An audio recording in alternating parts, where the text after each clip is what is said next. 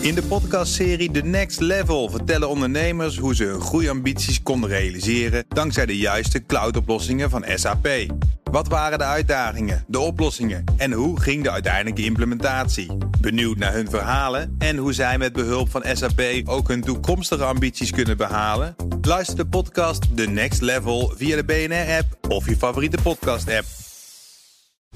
BNR Eye Openers wordt mede mogelijk gemaakt door Capgemini. Get the future you want.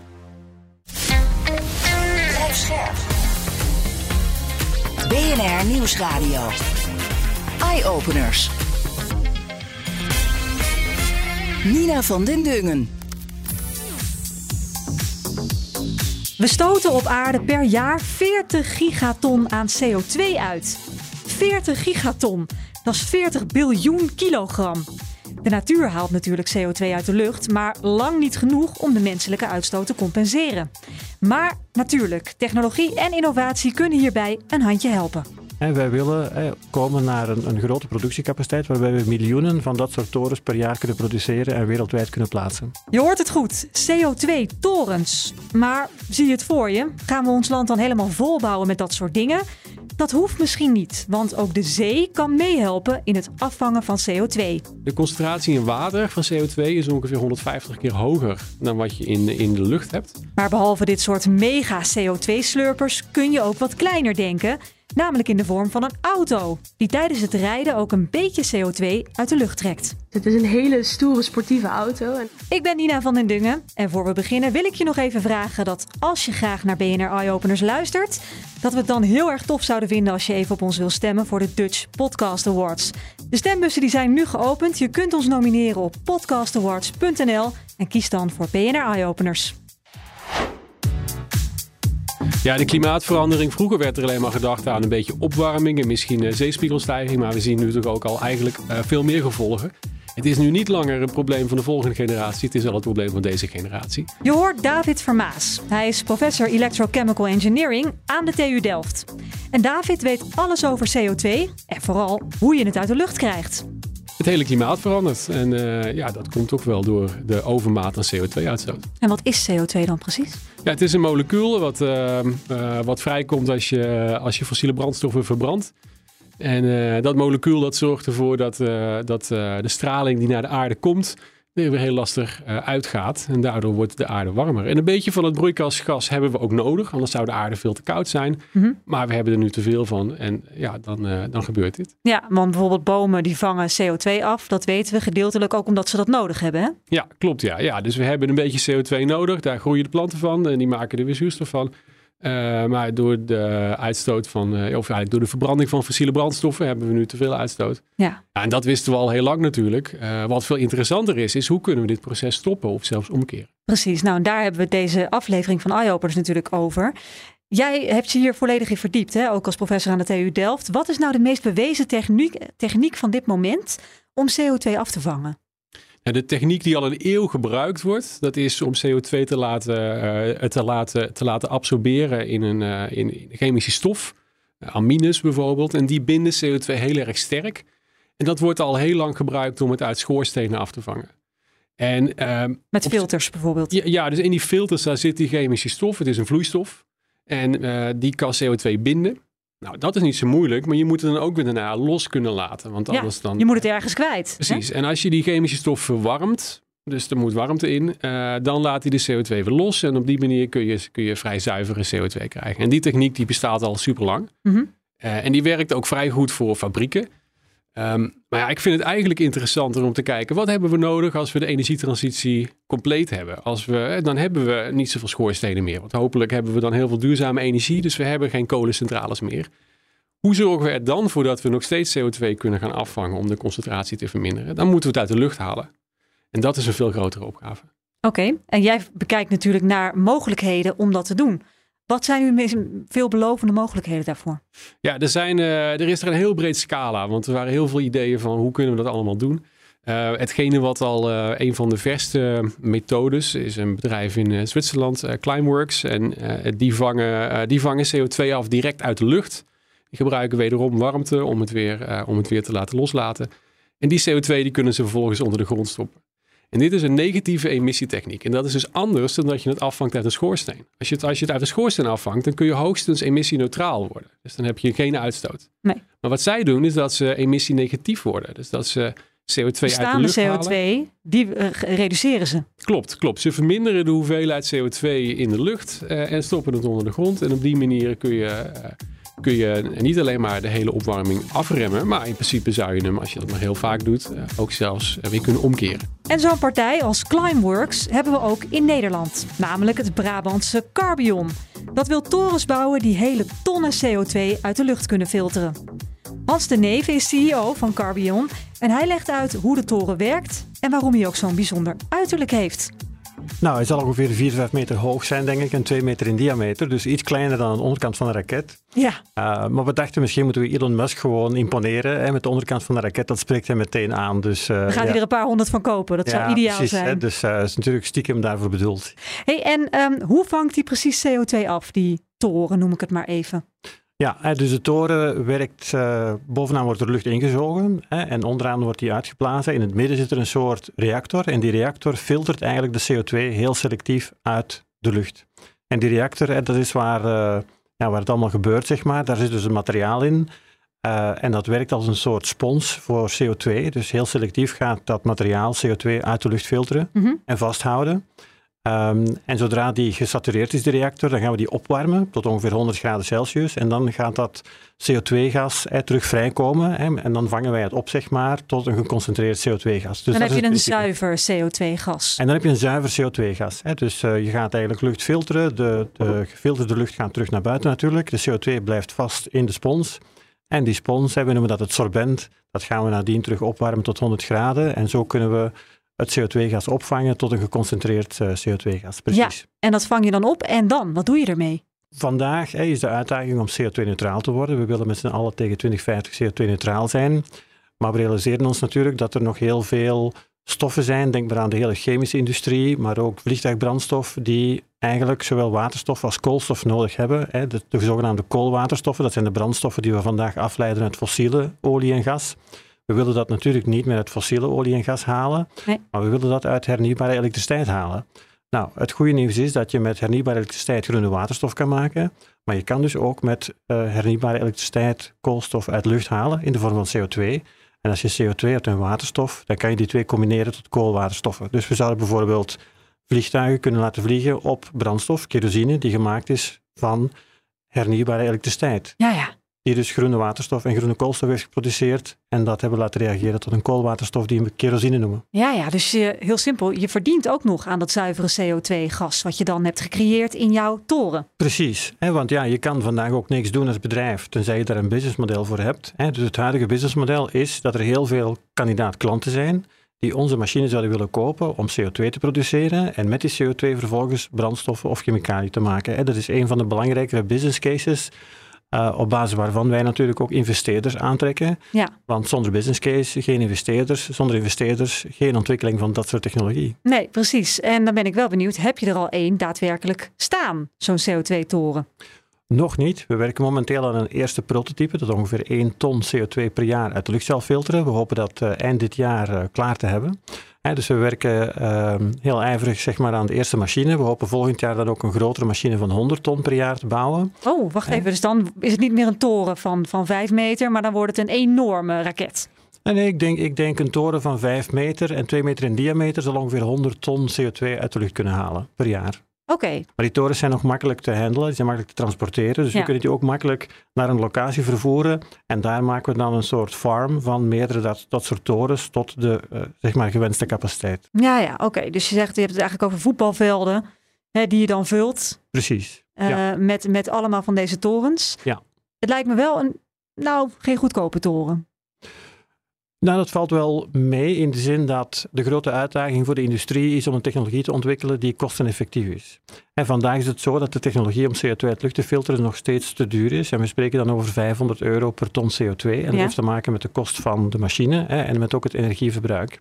De industrie vraagt eigenlijk oplossingen die dat kunnen voor 50 à 100 euro per ton. Dus de kost van de machine moet naar beneden en ook het energieverbruik moet naar beneden. Ja. En dat, is, dat zijn ook de twee punten die bij ons voora- vooraan staan zeg maar, in onze ontwikkelingen.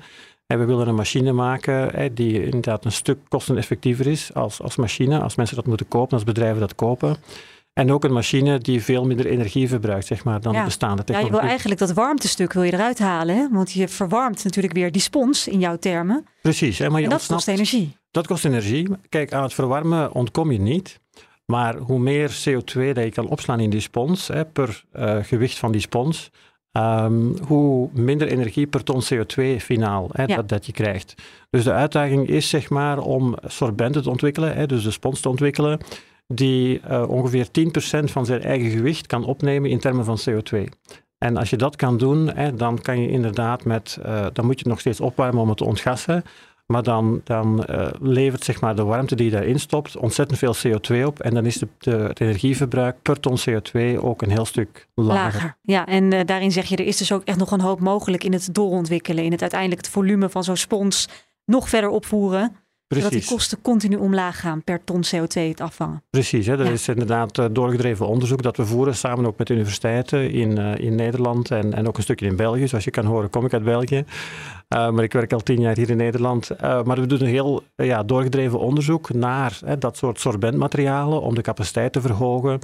Um, en dat doen we inderdaad in heel nauwe samenwerking met kennisinstellingen. Ik kom zelf vanuit TNO, uh, maar ook heel veel universiteiten zijn erbij betrokken. En wat kost op dit moment wat, de, de introductieprijs voor jouw toren? Nou, de introductieprijs voor de toren van 100 ton per jaar zal ongeveer 100.000 euro zijn. Ja, He? en dat is dan voor de grote industrie. Ik neem aan dat jouw klanten de grote industrie zijn? Ja, dat, zijn, dat is de grote industrie. Dat zijn bedrijven die hernieuwbare brandstoffen willen maken, hernieuwbare chemicaliën. Dus dat zullen bijvoorbeeld de bestaande petrochemische bedrijven zijn, die in plaats van uh, chemicaliën en brandstoffen te maken uit fossiele olie en gas, eigenlijk zich zullen baseren op elektriciteit van windturbines, eh, elektriciteit van zonneparken. En eigenlijk met die elektriciteit gaan ze dezelfde brandstoffen en dezelfde chemicaliën kunnen maken. Ja. Dat zijn onze, onze klanten. Dat klinkt allemaal veelbelovend, maar David van de TU Delft legt uit dat ons zeewater misschien nog wel een betere CO2-afvanger is dan de torens van Carbion. De concentratie in water van CO2 is ongeveer 150 keer hoger dan wat je in, in de lucht hebt. En dat in het water het, zelf, in, in de zee water, hebben we in, het. In, in zeewater, ja, ja? ja zeker. En dat maakt het best wel geschikt om het eruit te halen. En er is nog een ander voordeel. Je kunt het eruit halen met duurzame elektriciteit, met elektrochemische technieken. Uh, en dan kun je eigenlijk uh, de duurzame elektriciteit veel nuttiger benutten, want je hebt er geen warmte voor nodig. Warmte is iets wat veel vrijkomt bij fabrieken, maar als je er niet meer hebt om van elektriciteit warm te maken, is niet zo efficiënt. Nee, dat is duurzame... weer niet energiezuinig. Precies, precies. Het is veel efficiënter om duurzame elektriciteit te gebruiken om die CO2 los te maken. En dat kan makkelijker als het, in, als het al in de vloeistof zit, zoals in bijvoorbeeld uh, zeewater. Ja, dus jij maakt een duidelijk onderscheid tussen het afvangen van CO2 vanuit de lucht, maar ook van het afvangen van CO2 uit het water. En uit ja. de zee is dat dan in dit geval. Ja, klopt. En dan denk je, ja, maar waarom, wat, wat heb je eraan als ik, het uit, als ik het uit de zee haal? Ik wil het toch uit de lucht halen? Ja. Uh, ja, dat in, klopt, ja. precies. Maar uiteindelijk zijn die twee systemen aan elkaar gekoppeld. Als je het uit het water haalt, dan lost er weer extra CO2 vanuit de lucht op in het water. Want de zee die absorbeert dat weer uit. Ja, we hebben een gigantisch oceaanoppervlak. En we maken eigenlijk gebruik van het hele grote oceaanoppervlak. Door uh, de CO2-concentratie in de lucht in evenwicht te stellen met de CO2-concentratie in het zeewater. Mm -hmm. En als je het uit het zeewater haalt, is dat dus precies hetzelfde als dat je het uit de lucht haalt. Het maakt niet uit waar je het vandaan haalt, want ze, ze zijn binnen een jaar weer met elkaar in evenwicht. Ja, dus want, je moet het ergens vandaan halen. Precies, en dan zeg je, dit is de meest energiezuinige manier om het uit het zeewater te halen. En het zeewater trekt dan weer uh, CO2 uit de lucht. Dus het wordt een soort, bijna ja. een soort cirkel. Ja, klopt ja. Wil ik wel even de technische diepte in. Want ja. hoe vang je nou CO2 af in zee? Ja. Hoe doe je dat? Wat je eigenlijk hebt is, uh, het zit in zeewater, daar blijft het. En dan zit het namelijk opgelost in een vorm van bicarbonaat. En dat zit ook in bijvoorbeeld, uh, in bijvoorbeeld spaarrood, in veel hogere concentraties. Wat je doet is dat je de pH verandert, de zuurgraad. Je maakt het een beetje zuurder. En daardoor wordt die bicarbonaat koolzuurgas. En die koolzuurgas die zie je ook als je de spaarroodfles open doet. Dan zie je ja, alle, alle al die belletjes mm -hmm. zelf uitkomen. Nou, in zeewater is, de, uh, is die druk ietsje lager, dus je moet er ook nog een pomp erbij zetten. Maar uh, het is wel de truc om de pH te veranderen, dan de CO2 eruit te halen en dan weer de pH terug te veranderen.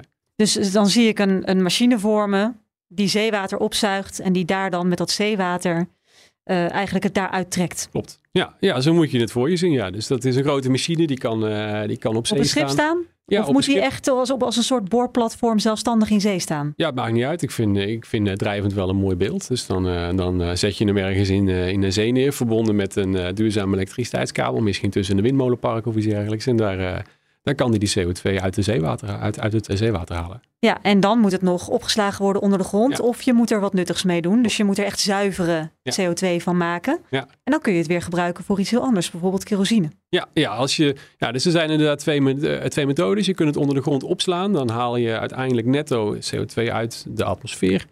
Je kunt het ook omzetten. En dan doen we bij de TU Delft ook heel veel onderzoek naar. Hoe kunnen we vanuit CO2 als grondstof weer wat nuttigs maken? Zoals bijvoorbeeld duurzame plastics of kerosine voor, eh, voor de vliegtuigen. Ehm, ja, en die techniek, daar, eh, daar zijn ook nog super veel uitdagingen. Maar dat is wel een prachtig wereld, eh, een prachtig toekomstbeeld voor de wereld. Ja, maar dit zijn dus dingen die jij ook echt in jouw eigen minilab aan de TU Delft bestudeert. Hè? Dat, het, het afvangen uit zee. Maar er bestaat dus nog geen machine die dit daadwerkelijk op zee uitvoert. Zover zijn we nog niet. Nee, er zijn een aantal proefinstallaties. We hebben er eentje in het lab en we zijn dus ook bezig met een start-up, CO2, om te kijken of dat we dit kunnen gaan, kunnen gaan opschalen. CO2? Ja, hè? CO2. heel, heel dus met, ja, precies. Dus met C als in geschreven van Mhm. zee. Ja. Ehm, en eh, in, in Amerika zijn, eh, zijn ook eh, twee start-ups bezig met een vergelijkbare techniek om het uit de zee te halen. Gebruiken net ietsje, een wat iets andere techniek, maar die, halen, die hebben ook al een, een proefinstallatie. Eh, dus het zit, eh, het zit er wel in de, ja, in de proeffase. In de pijplijn. Ja, ja precies. Ja, ja, dat is ook een goede woordspeling. Eh, maar het is nog niet iets wat, wat nu kilotonnen afhangt. De planning is om, ja, in eh, 2035 moeten het echt ook al gigatonnen zijn met deze techniek. Dus Ja. dat, dat gaat hopelijk hard. Maar dit wordt dus ook echt een bedrijfsvorm. Dit, Ja. dit gaan jullie uitrollen tot eh, iets wat groot opschaalbaar is. Ja, ja dit specifieke voorbeeld, daar, eh, daarvan zagen we zoveel potentie dat we samen met een aantal andere mensen, ook een van de promovendi in mijn, eh, in mijn onderzoeksgroep, die is daar nu mee bezig. Dus die is nu, nu klaar met haar wetenschappelijke deel. Dus die is nu aan het kijken hoe we dit bedrijf kunnen voortzetten. Is het al gepatenteerd? Eh, ja, we hebben ook al patent. Ja, ja, dus eh, daar, daar, daar, daar zagen we wel een hele hoop eh, voordelen van om het ook commercieel te maken. Zeewater is dus zeker een ding, maar staat nog wel in de kinderschoenen. Carbion is al wat verder en hun ambitie is groot. Uh, de auto-industrie produceert elk jaar 100 miljoen stuks. 100 miljoen auto's, nieuwe auto's elk jaar. Nou, wij willen naar die schaal gaan. En wij willen, eh, uiteraard niet overnight, maar op een termijn van, van, van uh, 10 tot 20 jaar komen naar een, een grote productiecapaciteit waarbij we miljoenen van dat soort torens per jaar kunnen produceren en wereldwijd kunnen plaatsen. Hm. Uh, maar goed, je, je, je plaatst ze niet zelf. Je hebt klanten nodig die deze investering kunnen doen. Precies. Van een ton. Ja, ja uh, absoluut, absoluut. In eerste instantie. En, en die zijn er ook wel. Dat is het goede nieuws. Eigenlijk er is een enorme market pull, kan je zeggen. Dus er zijn ontzettend veel klanten die met deze technologie aan de slag willen voor de productie van brandstoffen, chemicaliën of om CO2 onder de grond te stoppen. Want je kan natuurlijk ook naar negative emissions gaan. Dat betekent ja. dat je CO2 gaat opslaan onder de grond. Ter compensatie van bijvoorbeeld bestaande emissies vandaag, hè, fossiele emissies die er zijn vandaag, maar ja. ook in de toekomst. Hè. Stel beyond 20, uh, 2050. Uh, en we zijn allemaal carbon neutral, ja, dan zit er natuurlijk nog steeds veel te veel CO2 in de atmosfeer van de afgelopen 150 jaar. En dan moet je dus beginnen aan de big clean-up. Dan moet je eigenlijk al die CO2 terug uit de atmosfeer gaan halen en gaan opslaan ondergronds of op andere manieren, zodat het niet meer in de atmosfeer kan komen. Nee. Dus ook daarvoor zal deze technologie worden ingezet. Ja, tegelijkertijd zijn er ook andere methodes om CO2 af te vangen, hè, naast gewoon de natuurlijke processen van bomen en planten. Uh, bijvoorbeeld, hebben we al gehoord, met zeewater. Ja. En zeewater, dat hoeft niet verwarmd te worden. Dus dat vraagt dan ook niet die energie, dat kleine beetje energie per ton CO2 die jij nog nodig hebt. Ja, ik denk dat al die technieken naast elkaar gaan bestaan. We zitten vandaag denk ik in een interessante tijd waarin mensen worden aangemoedigd om nieuwe uh, manieren te bedenken om de CO2 uit de atmosfeer te halen. En dat kan via zeewater, zoals je net komt zeggen. Dat kan rechtstreeks door lucht te filteren. Ik denk dat niemand vandaag weet precies welke technologie het zal halen. Of het zullen wellicht ook meer dan één technologie zijn die het zullen halen. Maar het is belangrijk dat we op al die verschillende technologieën inzetten vandaag, investeren, om te bekijken hoe ver we met elk van die technologieën kunnen komen. Om zo snel mogelijk de CO2-uitstoot te verminderen. Absoluut. In die zin zijn we allemaal conculega's. Uh, er is niet één technologie die er zal uitspringen, denken wij. We zullen al die dingen moeten inzetten om die gigantische uh, uitdagingen, zoals je zegt, 40 miljard ton per jaar die we nu nog in de lucht stoppen. En dat doen we eigenlijk al, al 100 jaar. Nou, als we dat allemaal willen gaan terughalen, ja, dan moeten we al die technologieën gaan inzetten en zoveel mogelijk en zo snel mogelijk. Alle innovaties zijn welkom dus. De TU in Eindhoven is dan ook hard bezig met eigen projecten. Zoals een auto die CO2 uit de lucht filtert tijdens het rijden. Louise de Laat is teammanager van het TU Ecomotive Team dat die auto ontwikkelt. En ze is nu in Amerika om anderen te inspireren. Maar ik ben vooral benieuwd of die auto er ook een beetje goed uitziet. Ja, fantastisch. Het is een hele stoere sportieve auto. En daar hebben we met name voor gekozen omdat we ja, toch wat meer tractie met het publiek willen hebben. Want uh, wij als studententeam we staan al eigenlijk een tijdje. We hebben al uh, zes verschillende conceptauto's ontwikkeld. En uh, ja, we zijn met onze voorganger op stap geweest naar events en conferenties. En merk je toch dat je te veel aan uh, de mouw van mensen moet trekken om toch uh, ja, echt die interactie met elkaar te hebben. En wat we nu al merken met onze auto, want we zijn nu in Amerika ja. met, op tour. En ja, omdat die er zo goed uitzien, stappen mensen veel sneller naar ons af om ook daadwerkelijk ons verhaal aan te horen. En ja, ja ons verhaal, dat is, daar zit de kracht in met name. Nou, daar komen we zo meteen op. Maar eerst even, kan ik hem vergelijken met een Tesla? Of komt het veel meer in de buurt van een Porsche? Waar moet ik aan denken? Ik vind het een hele mooie vergelijking. Er zit een beetje tussenin, voor mijn gevoel. Het heeft een sportieve look, maar ook wel het, uh, het wat uh, Tesla ook uh, probeert te behalen. Dus ja. ja, en dit is dus al een conceptcar. En dit is juist het, het belangrijkste hiervan. Is, dit een, dat, is dat dit een auto is die gebouwd is om de CO2 uit de lucht te filteren tijdens het rijden. Yes, dat klopt. Uh, wij hebben in eerste instantie deze auto willen ontwerpen om CO2-neutraliteit te bevorderen in de drie levensfasen van een auto. Dus we hebben naar de car manufacturing gekeken, de driving phase en of uh, life van deze auto. En die drie levensfases die willen eigenlijk zero net hebben. Ja. En uh, dat hebben we dus door middel van slimme implementaties gedaan, waaronder ook dit filter. Ja, want inderdaad, hoe werkt dit precies? Nou ja, wanneer de auto rijdt, heeft hij al te maken met een bepaalde luchtdruk. En uh, die luchtdruk, die aerodynamics, die hebben wij gebruikt om uh, het, ja, het, lucht te centreren aan de voorkant van de auto. Uh, onder de lampen van de auto zitten twee intakes in, air intakes. En daarachter zit het filter. Het filter hebben wij zelf ontworpen als team. Wanneer dus het lucht in die filter gaat, dan wordt het CO2 als gasvorm onttrokken. Mhm. En uh, ja, verlaat eigenlijk uh, schone lucht weer uit de filter en rijdt de auto zo verder door. Oké, fascinerend. Maar hoeveel kilogram vang je dan af daarmee? Yes, nou we spreken nu nog uh, per kilometer om 1 gram. Uh, dus dat is relatief weinig. Uh, ja. Maar het is daarom ook echt nog een proof of concept. En, Want dan kom je op 1 ja. kilogram per 100.000 kilometer. Ja. Ja. Ik, ik rij geen 100.000 kilometer per jaar. En sowieso 1 kilogram, dat is wel heel weinig. Ja, klopt. Uh, dat weten wij. En uh, daarom, als je ook de foto's goed bekijkt en misschien één keer de auto live wil bewonderen, dan zie je hoe klein ook die inkeping is. Mm -hmm. En uh, wij weten, en ik zelf heb de persoonlijke ambitie om ermee verder te gaan, omdat ik daadwerkelijk de potentie zie om dit ook op andere voertuigen te implementeren, die wel grote oppervlakte hebben, zoals een bus of een vrachtwagen. En, en dan heb je veel meer speelruimte om juist die CO2-opvang te bevorderen en dus eigenlijk meer CO2 uit de lucht te halen. Ja, ja, ja, oké. Het is natuurlijk een fascinerend idee. Aan de andere kant, als je dan kijkt van hè, hoe relatief gezien hoe weinig CO2 het afvangt, is het mhm. dan wel de moeite waard hè, om het daar allemaal in te bouwen? Want het kost ook een filter. Dus zeg maar, uh, heiligt het doel de middelen? Ja, uh, ik geloof van wel. En ik geloof ook sterk uh, dat wij uh, meer van dit soort technologieën in het veld van direct air capturing moeten hebben. Want we gaan het niet alleen redden om bomen te planten in de wereld. Dat is heel erg jammer om te horen. In IJsland, maar ook hier in Nederland met Carbion zijn ja, techneuten al heel erg hard hun best aan het doen om met hun grote direct air capturings CO2 uit de lucht te halen. Ja, de torens, ja. Ja, dat is nu gewoon nog veel te weinig. Want zij vangen uh, in een jaar ook uh, hetzelfde hoeveelheid op wat de wereldbevolking in drie seconden alweer uitstoot. Ja. En je noemde het al, jullie zijn nu met het team in Amerika uh, om eigenlijk gewoon al de eerste wagens een beetje te verkopen of is er een ander doel? Uh, nou, wij willen juist heel erg uh, wat meer een movement hier uh, in beweging zetten. Want we zien dat in Amerika, ja, men zegt heel erg veel en probeert ook echt wel duurzaam te worden. Maar we zien de actie er nog niet echt in. En wij zijn even ook mee mogen gaan met de handelsmissie hier in Nederland. waar we ook samen met de koningin Maxima ja, ook even ons verhaal mochten vertellen aan het grotere publiek. Dus we hebben echt de kern van de, de industrie al mogen bereiken met ons verhaal.